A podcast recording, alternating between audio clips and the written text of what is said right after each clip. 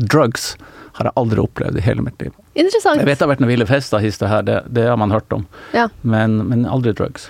Altså De fleste som jeg kjenner i finans, inkludert meg sjøl, vi er jo egentlig relativt nerdish. Vi Ja. vokste opp med å være jævla flinke på skolen, og, og har egentlig jobba livet av oss siden da. Vi er liksom ikke Du blir ikke misunnelig, da? Nei. jeg må innrømme det at eh, jeg er kanskje kjedelig, da, men jeg liker mitt eget liv bedre. Ukens eh, gjest har en eh, lang karriere i finans- og oppkjøpsfond eh, bak seg, og har bl.a. vært med på oppkjøpet av XXL. I sommer bestemte han seg for å si opp og bli selvstendig investor. Velkommen til Voksenpoeng med meg, journalist Nora Rydne i E24. Og velkommen i studio, Hugo Maurstad, investor og foreløpig fortsatt partner i oppkjøpsfondet Altor. Tusen takk.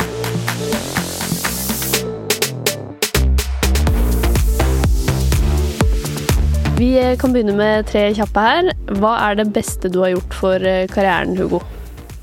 Jeg tror det, det er flere ting, men jeg tror det ene er at jeg har alltid gitt bånn gass med det jeg har holdt på med, og liksom brukt 120% av all min energi i, alle ting som jeg har uh, gått inn i. Uh, jeg tror en av det, Woody Allen sa noe sånt som at eh, 80% of life is showing up. Men liksom være til stede når det skjer, er en ganske viktig del ut av det. Jeg har aldri egentlig sagt nei til en mulighet fordi at jeg ikke trodde jeg kunne fikse det.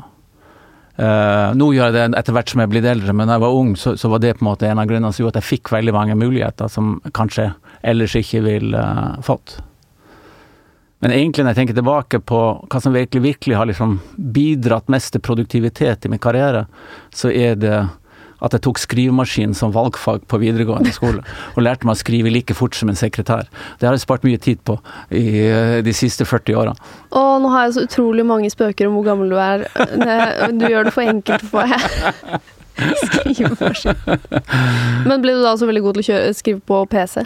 Ja da, så det, jeg skrev med over 200 anslag i minuttet som vi målte på uh, den gangen. Og jeg har spart i hvert fall en to-tre arbeidsår på, det, på de siste 40.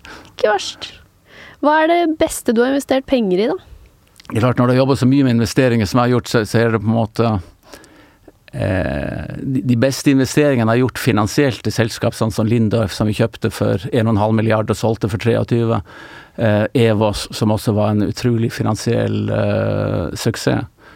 Men jeg tror av alle investeringene mine så langt, så er den som Den beste investeringen jeg har gjort, var egentlig når vi kjøpte Helly Hansen. Og det var for at det hadde så mange dimensjoner. Helly Hansen var Eh, vi kjøpte det i november 2006, og da var Helly Hansen i ferd med å ramle litt sammen. Altså Det var jo kanskje det eneste store konsumentbrandet vi hadde i Norge. Og det hadde ti år med underskudd, det tapte 50 millioner kroner det året vi, eh, vi kjøpte det. Men det å få være med på å snu rundt heller, ikke bare fra godt å tape penger til å tjene penger, men til å bli litt kult igjen. Og kunne fortsette å, å vokse. Så for meg så var det eh, en, den beste investeringen jeg har gjort, dels fordi at vi tjente noen kroner på det, dels fordi jeg lærte en enormt masse om konsumentbrand og om klær gjennom å, å gjøre det, som gjorde at vi senere torde å kjøpe Rossignol, som gjorde at jeg torde å kjøpe XXL, som gjorde at jeg nå privat har kjøpt Odlo. Uh, og, og det har på en måte skapt så, så, så det ble en god investering for meg på den måten at det, også liksom skapte en helt ny sti for meg, og noe som har gitt meg utrolig mye glede å, å jobbe med i etterkant. Hva er det verste du har investert penger i? Det tror det som egentlig svidd mest, var når jeg var 18 år, eller jeg var 17 år, og kjøpte meg en Simca 1501. Eh, en gammel fransk bil som ikke finnes lenger, men eh, jeg husker jeg betalte 5000 kroner for den, og det var, det var alt jeg hadde.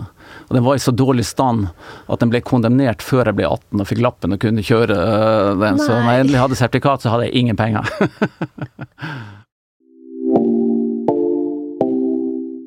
Men hva eh, ville du bli eh, som ung Hugo? Visste du alltid at det var investering som skulle bli din greie? Min drøm det var å bli økonomisjef i et selskap. Og tjene nok penger til at jeg kunne kjøpe meg en hytte. Og kanskje en ny bil? ja, en ny erstatter Simca.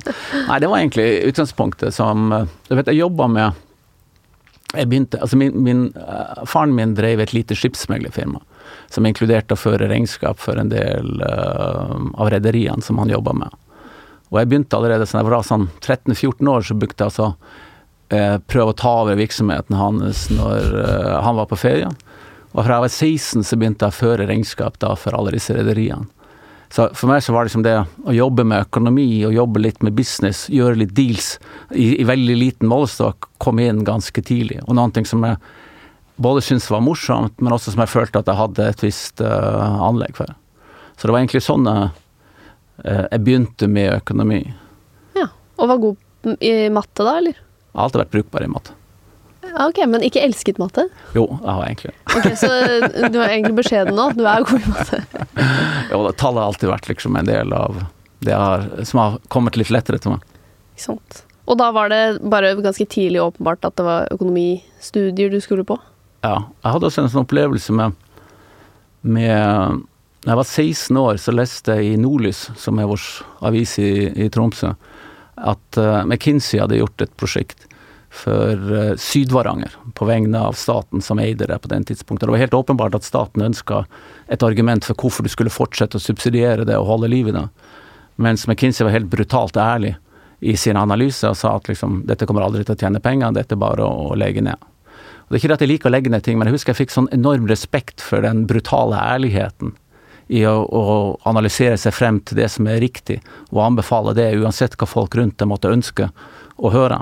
Så da sådde det et sånt lite frø om at kanskje liksom det å en gang kunne jobbe for McKinsey kunne bli helt fantastisk. Eh, men jeg, jeg trodde egentlig aldri det skulle bli en realitet, men, men eh, det var første gangen jeg tenkte på det som en, eh, som en mulighet. Hvorfor tenkte du at det ikke skulle bli realitet, da?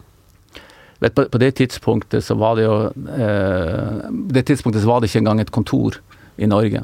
Ah. Og eh, det var sånt, noe, noe, stort og fjernt som man bare hadde lest om i avisen. Så du vet, verden er blitt veldig annerledes. Så når jeg vokste opp i Tromsø, så hadde jeg aldri hørt om noen som hadde studert i utlandet. Yes. Eh, sånn at det, altså, verden er blitt helt annerledes i, i, dag i form av hvor liten den er blitt, og hvor mange muligheter vi alle har i, i forhold til å kunne både studere ute, jobbe ute og, og sånn. Så det var ikke på ditt, uh, din plan? Nei. Så det ble Hvor studerte du? Jeg gikk på BI i ja. Oslo. Så det var langt nok for meg å reise. Ja, det er et stykke, det. Det er ikke verst. Men uh, du, vi snakket jo litt om Exit her, uh, for det hadde jo akkurat premiere. Men jeg skjønte det som at du kjente deg ikke igjen i verken å bli tilbudt noe drugs eller holdt på med noe kriminelt. Så tenkte du Hvilken del av finans tenkte du at du skulle inn i? Tenkte du at du skulle inn i litt sånn nerd-del av bransjen? Nei, altså du kan si at, at eh, som, som, sagt, det var liksom den eneste gangen jeg noen gang tenkte på hva jeg skulle bli, det var når jeg skulle bli økonomisjef. Ja. Ellers så tror jeg min karriere har vært litt sånn som den egentlig er for veldig mange. Altså det, det, er litt den ene tingen vi gjør som bestemmer hva som blir det neste. Så, så når jeg begynte da i, i Når jeg begynte å studere, så Først så studerte jeg bare egentlig fulltid i seks måneder. Og da starta jeg Da fant jeg ut at dette, dette ble litt uh, litt kjedelig. Og bare skulle gå på skole, så jeg starta Dette var jo i 1986. Så det var akkurat da PC-en var begynt å, å komme ut. Jeg, hadde, jeg kjøpte min første PC i 1982. Så da startet et selskap som heter Infotech Consultants, som da begynte å jobbe med å eh, brygge bro mellom PC-verden og stormaskinverden. Og så endte jeg opp med, gjennom å gjøre det, så kom jeg da Dette var jo da på vei inn i finanskrisa i Norge eh, på den tida. Så da kom jeg i kontakt med et finansieringsselskap som Uni Forsikring og Kredittkassen, det som i dag er Nordea og Storebrand, eide, som da hadde problemer. Og så bygde jeg da modeller for dem for å forstå hvor mye låneporteføljen deres egentlig var verdt. Så ble jeg ansatt der som CFO, og så slutta alle de andre, og så ble jeg ansatt som CEO. Så jeg endte liksom opp da med Istedenfor å studere, så endte jeg opp med å jobbe de årene hvor jeg skulle gått på, på BI. Og når jeg da var ferdig med den jobben i Lefak, hadde solgt unna porteføljen og, og dessverre sagt opp alle ansatte, så begynte jeg i McKinsey. Og jeg tenkte aldri jeg skulle begynne i finans. Altså McKinsey er ikke for meg finans, McKinsey er consulting, så du jobber ja. med eh, alt mulig rart. Og så, uh, så kom på en måte neste fasen i livet mitt, hvor du da jobber med McKinsey, og så begynner du å jobbe med en bransje, så endte jeg opp med å flytte til Chicago, jobbe for McKinsey der, så kom jeg tilbake, jobba i Sveits, jobba i Spa, eller i Barcelona, i Milano. Og så etter hvert så blir du liksom OK. Etter, etter 13 år i McKinsey så fant jeg ut at ok, dette er kanskje på tide å utfordre seg sjøl og begynne å gjøre noe annet. Ja, og da kom denne muligheten i Alterop, og så fortsatte jeg på det. Og det var egentlig da først jeg begynte å nærme meg finans. Ja, altså en lang eh, karriere før Jeg har aldri planlagt å jobbe i finans. Nettopp, nettopp. Men du ble ferdig på BI? Du, Ja, jo, du er jo siviløkonom? Ja, det, jeg tok alle eksamenene. Ja. Mens du jobba i Ja, dette ja, ja, ja. egne IT-firmaet? Ja, ja. Ikke verst. Eh, for jeg har eh, lest et intervju med deg der du sa at eh, i en periode så jobba du 100 timer i uka og sov 16 timer i uka. Er det ja, det stemmer. Det var jeg, jeg sa tidligere jeg sover godt om natta, men det er ikke alltid jeg sover så mange timer. Er det en sånn ekstrem powernapper? Ja, det er når på, min, på min verste periode så, så sov jeg aldri mer enn fire timer om natta, men da hadde jeg gjerne liksom to eller tre sånne kvartersnapper. For jeg, jeg fløy gjerne to ganger om dagen, og det var et sånn bra tidspunkt å ta naps på. For jeg. Grunnen til at det var sånn at jeg jobba så mange steder i Europa samtidig. Så. Og så var det ingen av disse Exit-folka som fortalte deg om dop. Utrolig trist. Du missa den. Ja, ja. Men når var det her, da? Um, altså du kan si at, at uh, To faser. Liksom. Du kan si at uh, fra uh, Fra januar 1987 til uh, april 91 så jobba jeg jo med mine egne greier. Ja. Uh, med Infotech Consultants og med Lefak uh, og det.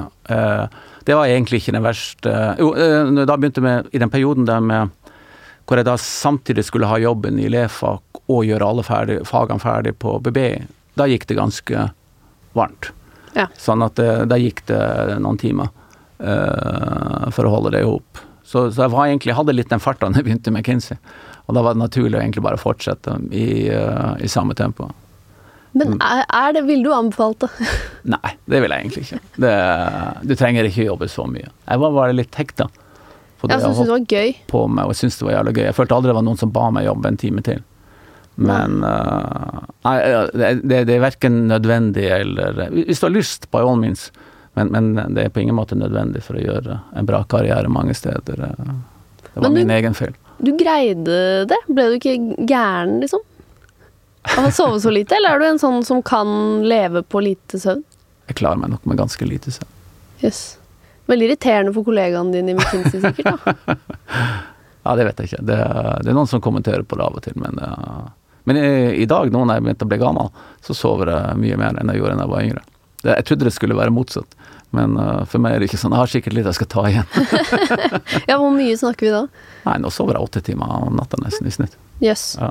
Men eh, hvordan var det å få jobb i McKinsey, da, som du på en måte hadde drømt litt om fra tidlig av? Det var ganske brutalt. Ah, ja. Det var, eh, altså vi, jeg syns liksom alle menneskene som jeg jobba med, var så vanvittig mye flinkere enn meg. Så eh, jeg husker jeg skulle ha min første Jeg begynte 1. april, så du blir evaluert to ganger i året, så jeg skulle ha min første evaluering først til jula, i og med at det var så kort. Og jeg var 100% sikker på at jeg skulle få sparken. Jeg hadde nesten begynt å raske sammen tingene mine, sånn at jeg ikke skulle Men så ble jeg heller forfremma. Uh, så de hadde et litt annet syn på, på hva jeg hadde gjort, uh, enn jeg sjøl hadde. Men, uh, men det var en ganske brutal overgang. For jeg trodde egentlig jeg var brukbart flink, men jeg følte meg så eh, at jeg kom så til kort.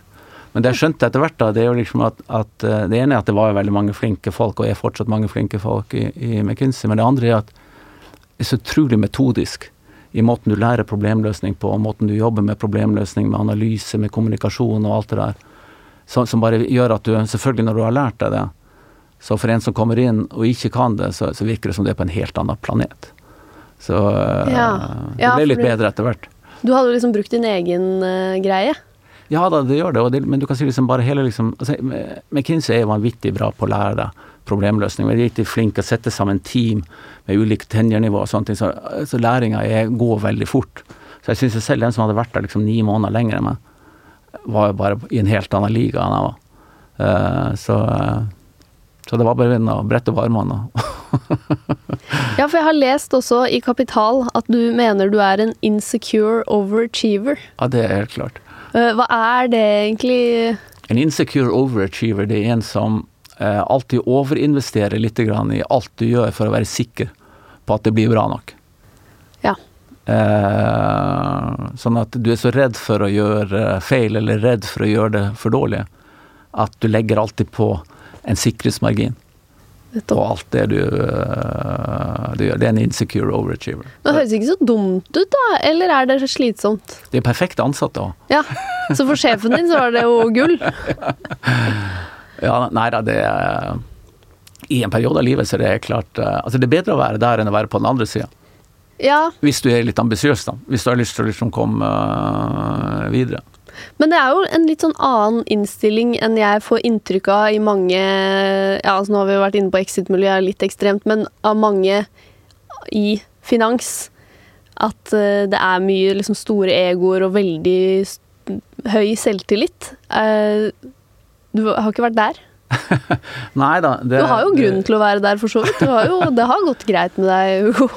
Jo da, vi har liksom landa på beina, men, men øh, Nei, jeg har liksom egentlig aldri følt uh, Altså, hvis du tar McKinsey isolert sett, som egentlig det som jeg vokste opp i Jeg var jo i McKinsey til jeg var øh, Jeg begynte i Alta da jeg var 8-39.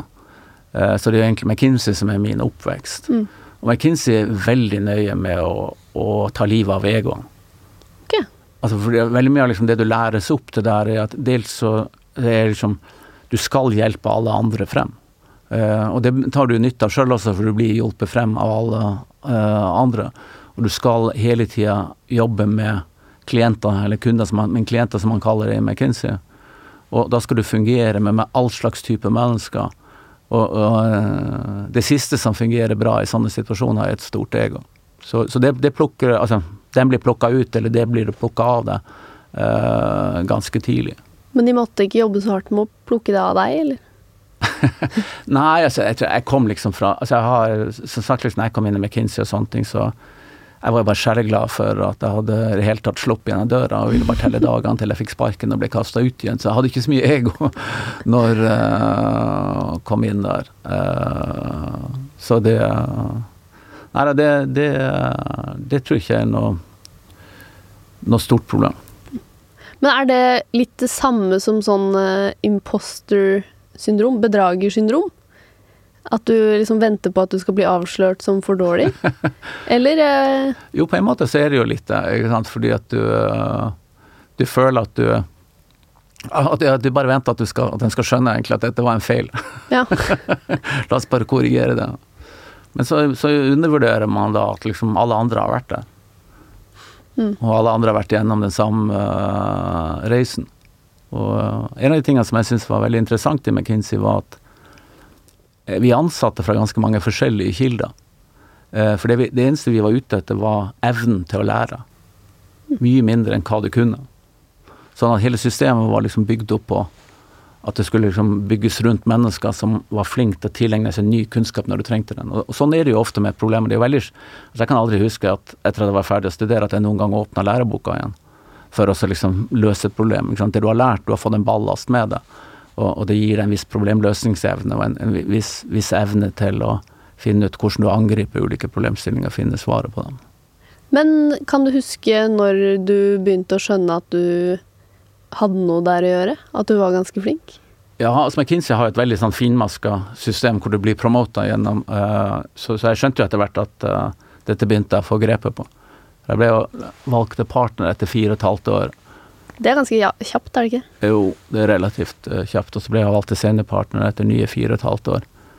Og det var vel egentlig da jeg Så da skjønte jeg på en måte at jeg kunne denne jobben, men da var jeg 38, og da merka jeg at jeg begynte liksom å bli ok. Begynte å bli litt sånn defensive. Tenkte ok, nå har jeg liksom gått alle stegene, så nå skal jeg bare passe på å ikke gjøre noe gærent. Så kan jeg ri inn i solnedgangen. Eh, og da tenkte jeg liksom at shit, du kan ikke gjøre det når du er 38 år. Du kan liksom ikke begynne nå å tenke på liksom hvordan du skal og da, så det var da jeg begynte å søke rundt og tenke på kan det være noe annet som er et neste steg, en ny uh, måte å kaste seg sjøl litt ut på, og gjøre noe man ikke kan. Og så utvikle en ny side av seg sjøl. Det var egentlig da først jeg traff det du kaller for finans, eller i hvert fall liksom et hjørne av, av det du kaller finans. Vi i E24 ringer jo deg for å snakke om type XXL og liksom de firmaene dere har kjøpt opp og videreutvikla, snudd. Eh, som om du skulle vært en analytiker på en måte. Men så er det et spørsmål som stadig dukker opp. Men Hugo Maurstad er fryktelig rik. Hvordan har han blitt det? For han er jo ikke bare en analytiker, du er jo nesten god for en milliard. Det liker du sikkert ikke å snakke om, eh, men eh, det må vi her. Hvor, hvordan? Er det bare at du har hatt fryktelig høy inntekt å være seniorpartner og, og siden partner, eller har du sittet og investert noe på siden, eller?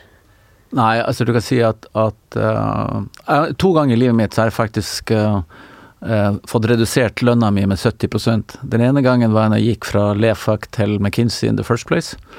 Og den andre gangen var da jeg gikk fra McKinsey til Altor. Så, så, du blir ikke rik av lønna i, i Altor, men jeg har jo investert veldig mye av pengene mine i Altor.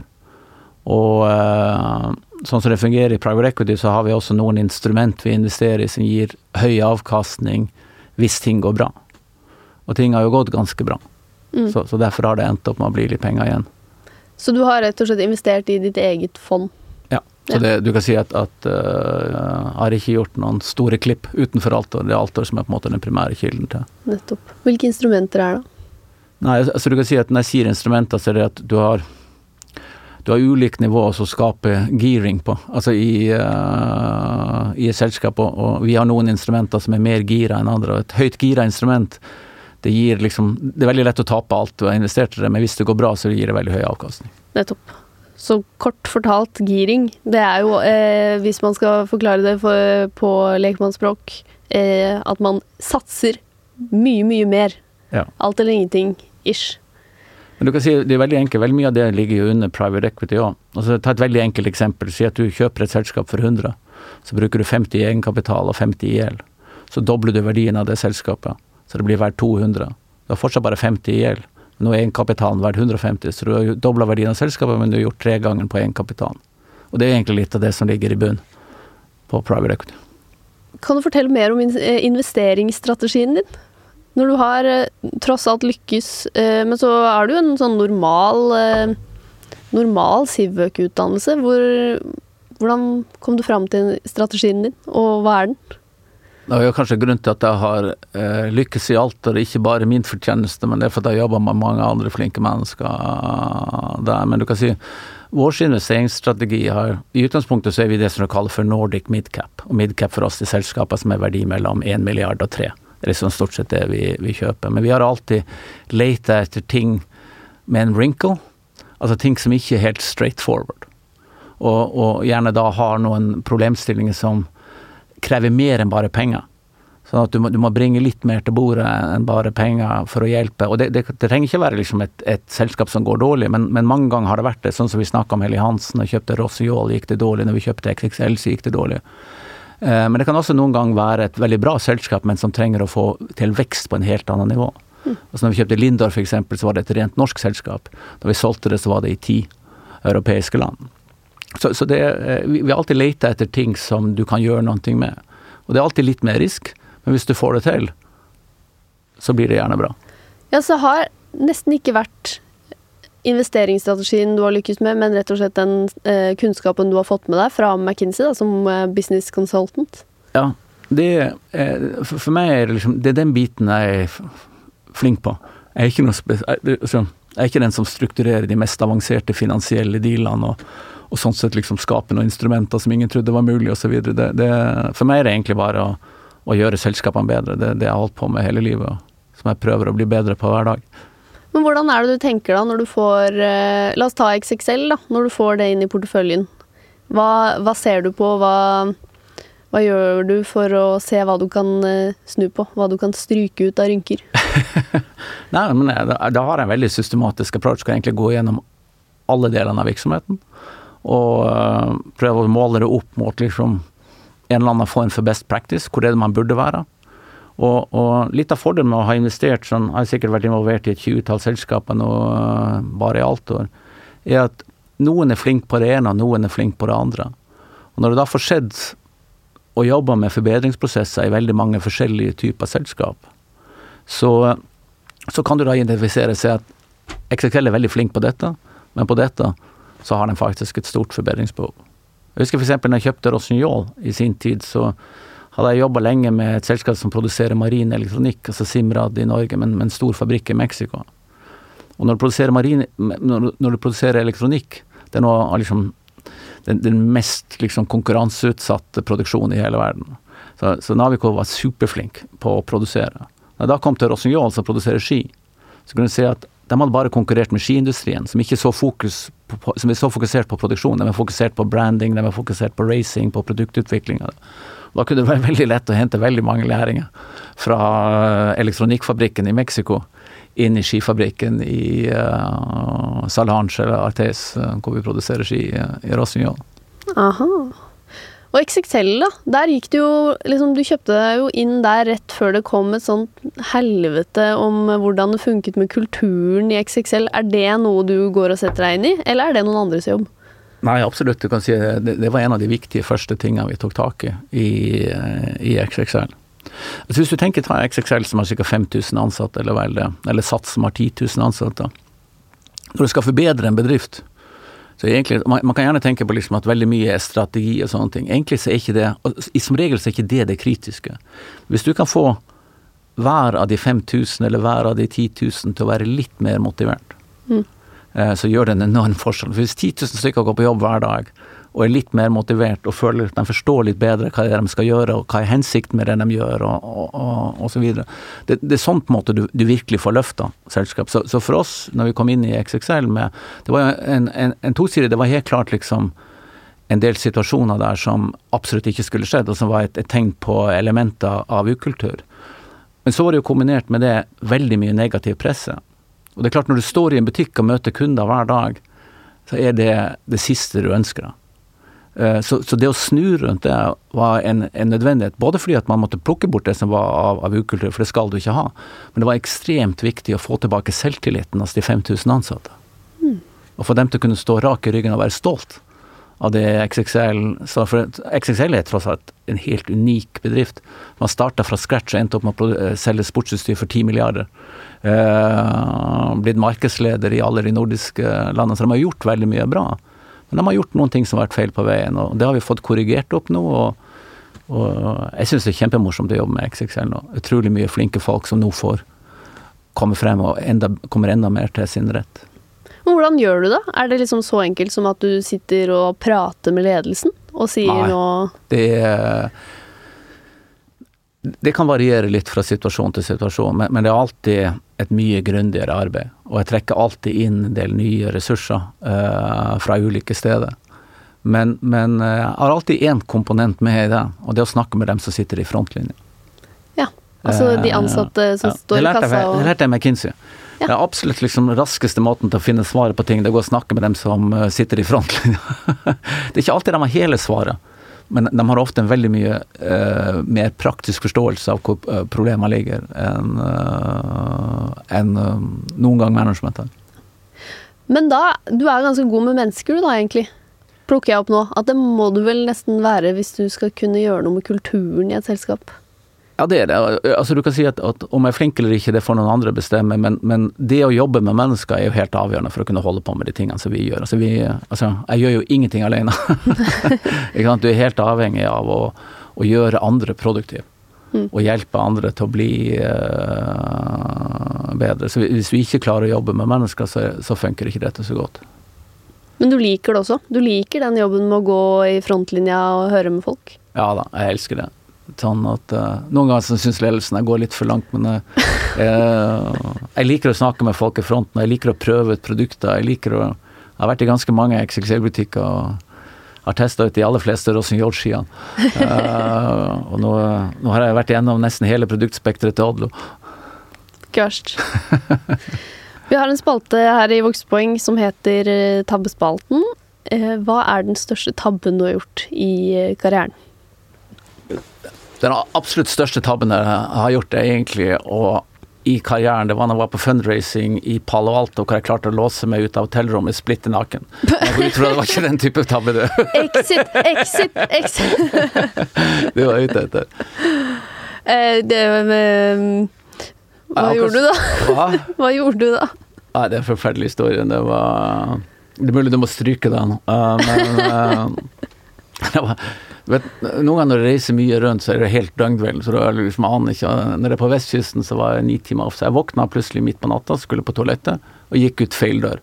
Uh, dette var på et sånn uh, hotell som var spredd ut over et større eiendom. Så når jeg da gikk ut av hotellet, så var det ikke noe hotellkorridor, jeg var ute.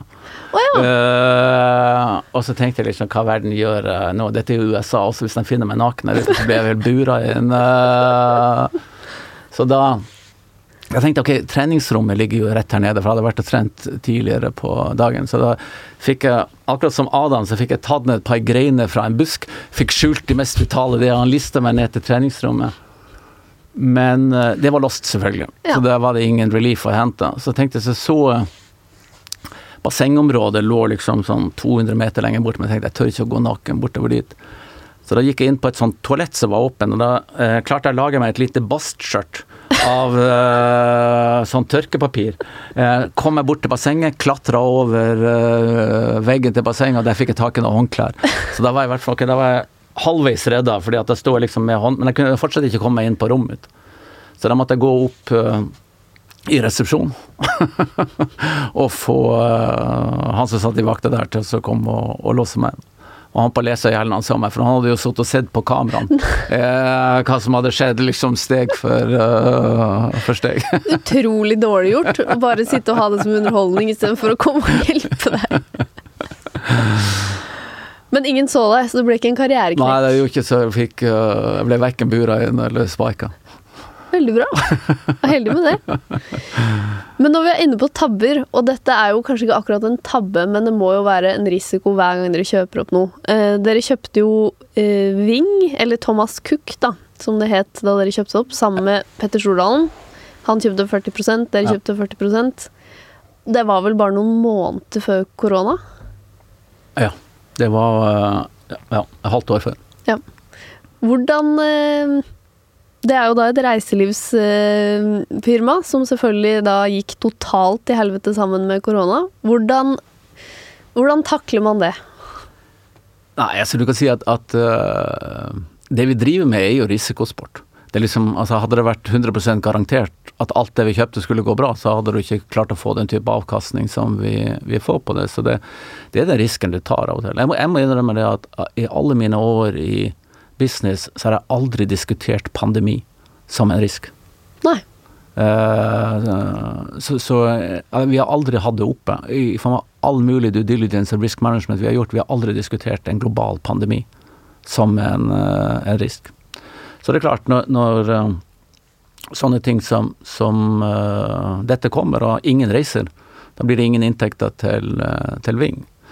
Men, men, da blir det på en måte utfordringa at ok, da må vi se på hvordan får vi dratt ned kostnadene på et minimum? Fordi vi vet jo at folk skal ut og reise igjen. Det bare et spørsmål om hvor lang tid tar det. Mm. Og, og, da er det jo også en fordel å ha en såpass sterk kapitalbase som det vi har, som gjør at vi har råd til å vente til det kommer tilbake. Det er klart at når du får en periode på et år, halvannet uh, uten inntekter, så kommer investeringa totalt sett til å bli dårlige.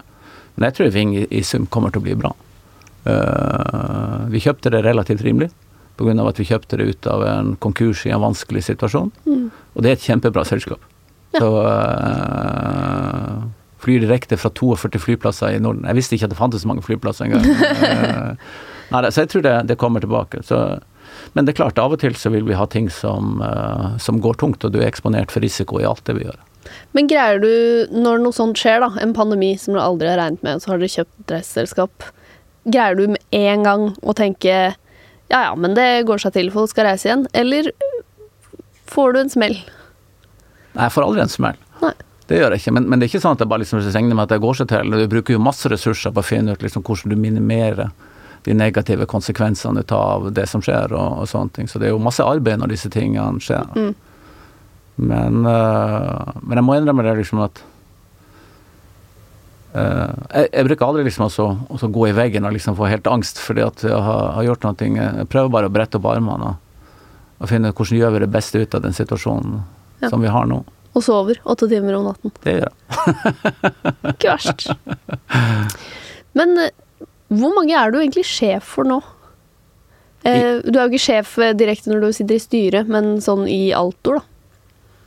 Nei, så egentlig i dag så er jeg vel egentlig ikke sjef for noen. Nei. Du har vært det, eller? Ja, nei, men det kan si, altså, på, på det verste så har vel vi hatt uh, 70 000-80 000 ansatte i, i summen av Altor-systemet, men det er jo ikke riktig å si at jeg er sjef for dem. Nei. Ikke sant? Vi har jo en stru, vi har jo en ledelse og et styre for hvert enkelt selskap, så, Ikke sant? så det er ikke Så har egentlig aldri vært sjef for så veldig mange. Nei, for det var jo det du ville. Bli sjef, og så gikk det ikke sånn. Er det, skulle du, tror du du hadde vært en bra sjef? Eller har du vært glad for at du slapp unna den delen? Nei, altså, jeg tror eh, de tingene som jeg har leda, ikke sant, som er den norske delen av, av Valtor, som var McKinsey i Norge osv., er jo veldig spesielle organisasjoner å lede. For det er så utrolig liksom, drevne mennesker og, og kompetente mennesker. Og det har vært veldig morsomt å lede den type mennesker. Jeg tror ikke jeg nødvendigvis hadde vært noen god sjef for 30 000 mennesker. Ikke? Hvorfor ikke? Nei, altså, jeg tror jeg Jeg tror jeg er litt for glad i å lede eh, med eksempel. Altså med, med å prøve liksom å, å Jeg prøver å gjøre to ting med folk. Det ene er å lære dem gjennom hva jeg gjør, og så skape et sikkerhetsnett som gjør at de tør å prøve. Eh, men at jeg tar skylda hvis det går gærent. Men det fungerer i en mye mindre målestokk. Skal du lede et stort selskap, så må du lede mye mer gjennom prosesser. Det er ikke helt min greie. Okay. Hvordan blir det nå å etter hvert gå solo, da? Eh, Det blir til på nyåret? Ja, men jeg kommer jo ikke til å gå helt solo. Jeg har allerede kjøpt Odlo privat, så jeg har fått mine 1000 ansatte eh, Yes. på egen hånd. så helt alene blir jeg ikke. Og jeg har jo noen andre selskaper allerede i porteføljen, men, eh, men jeg kommer til å bygge opp et eget investeringsteam rundt mine ting. Så jeg, det blir mindre enn Altor, Ja. men, men helt alene har jeg ikke tenkt å være. Nei, for du skal ikke, du skal ikke sitte alene og flytte penger på børsen, Nei. liksom? Nei, det er ikke min greie. Okay, Så det blir eh, på en måte den største sjefsstillingen du har hatt, da? Ja, på mange måter så blir det det. Hva, hvordan skal du lede? Har du tenkt deg ut en lederstil? Nei, altså du kan si at Som sagt eh, Noen av de tingene som er veldig viktige for meg med de selskapene som jeg jobber med, det, det er altså Jeg bruker å si noen ganger at Eller eller ikke jeg bruker å si, det var en, en eh, klient jeg jobba med en gang i McKinsey som sa det til meg at eh, det er lettere å temme en vill hest enn å sparke liv i en død. Og, og det er det ene tingen som er veldig viktig for meg, at, at, at det er mye bedre å temme masse energi enn å skulle gjøre ting veldig konformt. Og jeg tror vi er dessverre liksom, tror jeg, i dag på et sånt spor i samfunnet hvor ingen skal stikke seg ut. ikke sant? Alt skal være eh, eksakt riktig. Og, og eh, det kan fungere for noen, men, men jeg tror det er viktig liksom også gi litt rom for den energien som finnes, og akseptere at noen slår inn i vantet innimellom, men, men liksom skape en trygg base for, for uh, litt rått talent. Og så heller hjelpe dem med å smoothe edgene litt, og gi dem et sikkerhetsnett som gjør at de ikke uh, ramler helt igjennom. Eh, fast siste spørsmål her. Hvis du kunne reist tilbake i tid og gitt 20 år gamle Hugo et råd, hva ville det vært? Jeg må, jeg må innrømme, altså, nå høres det litt sånn Det høres kanskje litt selvgodt ut, men, men jeg føler egentlig at det har vært Av en eller annen grunn så jeg føler at jeg har tatt ganske riktige beslutninger Ja. underveis. Og så skal jeg gi meg ett råd som 20-åring eh, og gjort noe annerledes, så hadde det vært å, å ta det litt mer med ro i perioder. Bruke litt mer tid på dem rundt meg. Uh, det er litt klisjéaktig, men kanskje spesielt når barna var mindre. Hjulpet litt mer til hjemme og gjort det litt lettere for dem uh, rundt meg. Ja, for jeg skulle jo til å si at det må jo være en perfekt småbarnsfar eh, som kan leve på to timers søvn. Nei, Ja, jeg tok nattevakten. Ja, det gjorde du. Ja ja, men det var jo noe, i hvert fall. Ja, er akkurat der eh, bidrar. Nei, men, men du kan si at uh, jeg hadde kanskje ikke tenkt å så gi så mye gass alltid. Og uh, jeg merker det nå uh, når jeg blir litt grann eldre og tar det litt mer med råd, at jeg er on the margin litt snillere med alle rundt meg. Det, det kunne sikkert vært enda litt tidligere. Tusen takk eh, for at du kom hit eh, i dag, Hugo Maurstad i Altor. Inntil videre, snart eh, selvstendig og sjef. Takk skal du ha. Produsent i dag, det var eh, Sunniva Glessing. Og hvis du vil lese skoledagboka til Hugo, så må du gå og følge oss på Instagram. Der heter vi Voksenpoeng med Nora.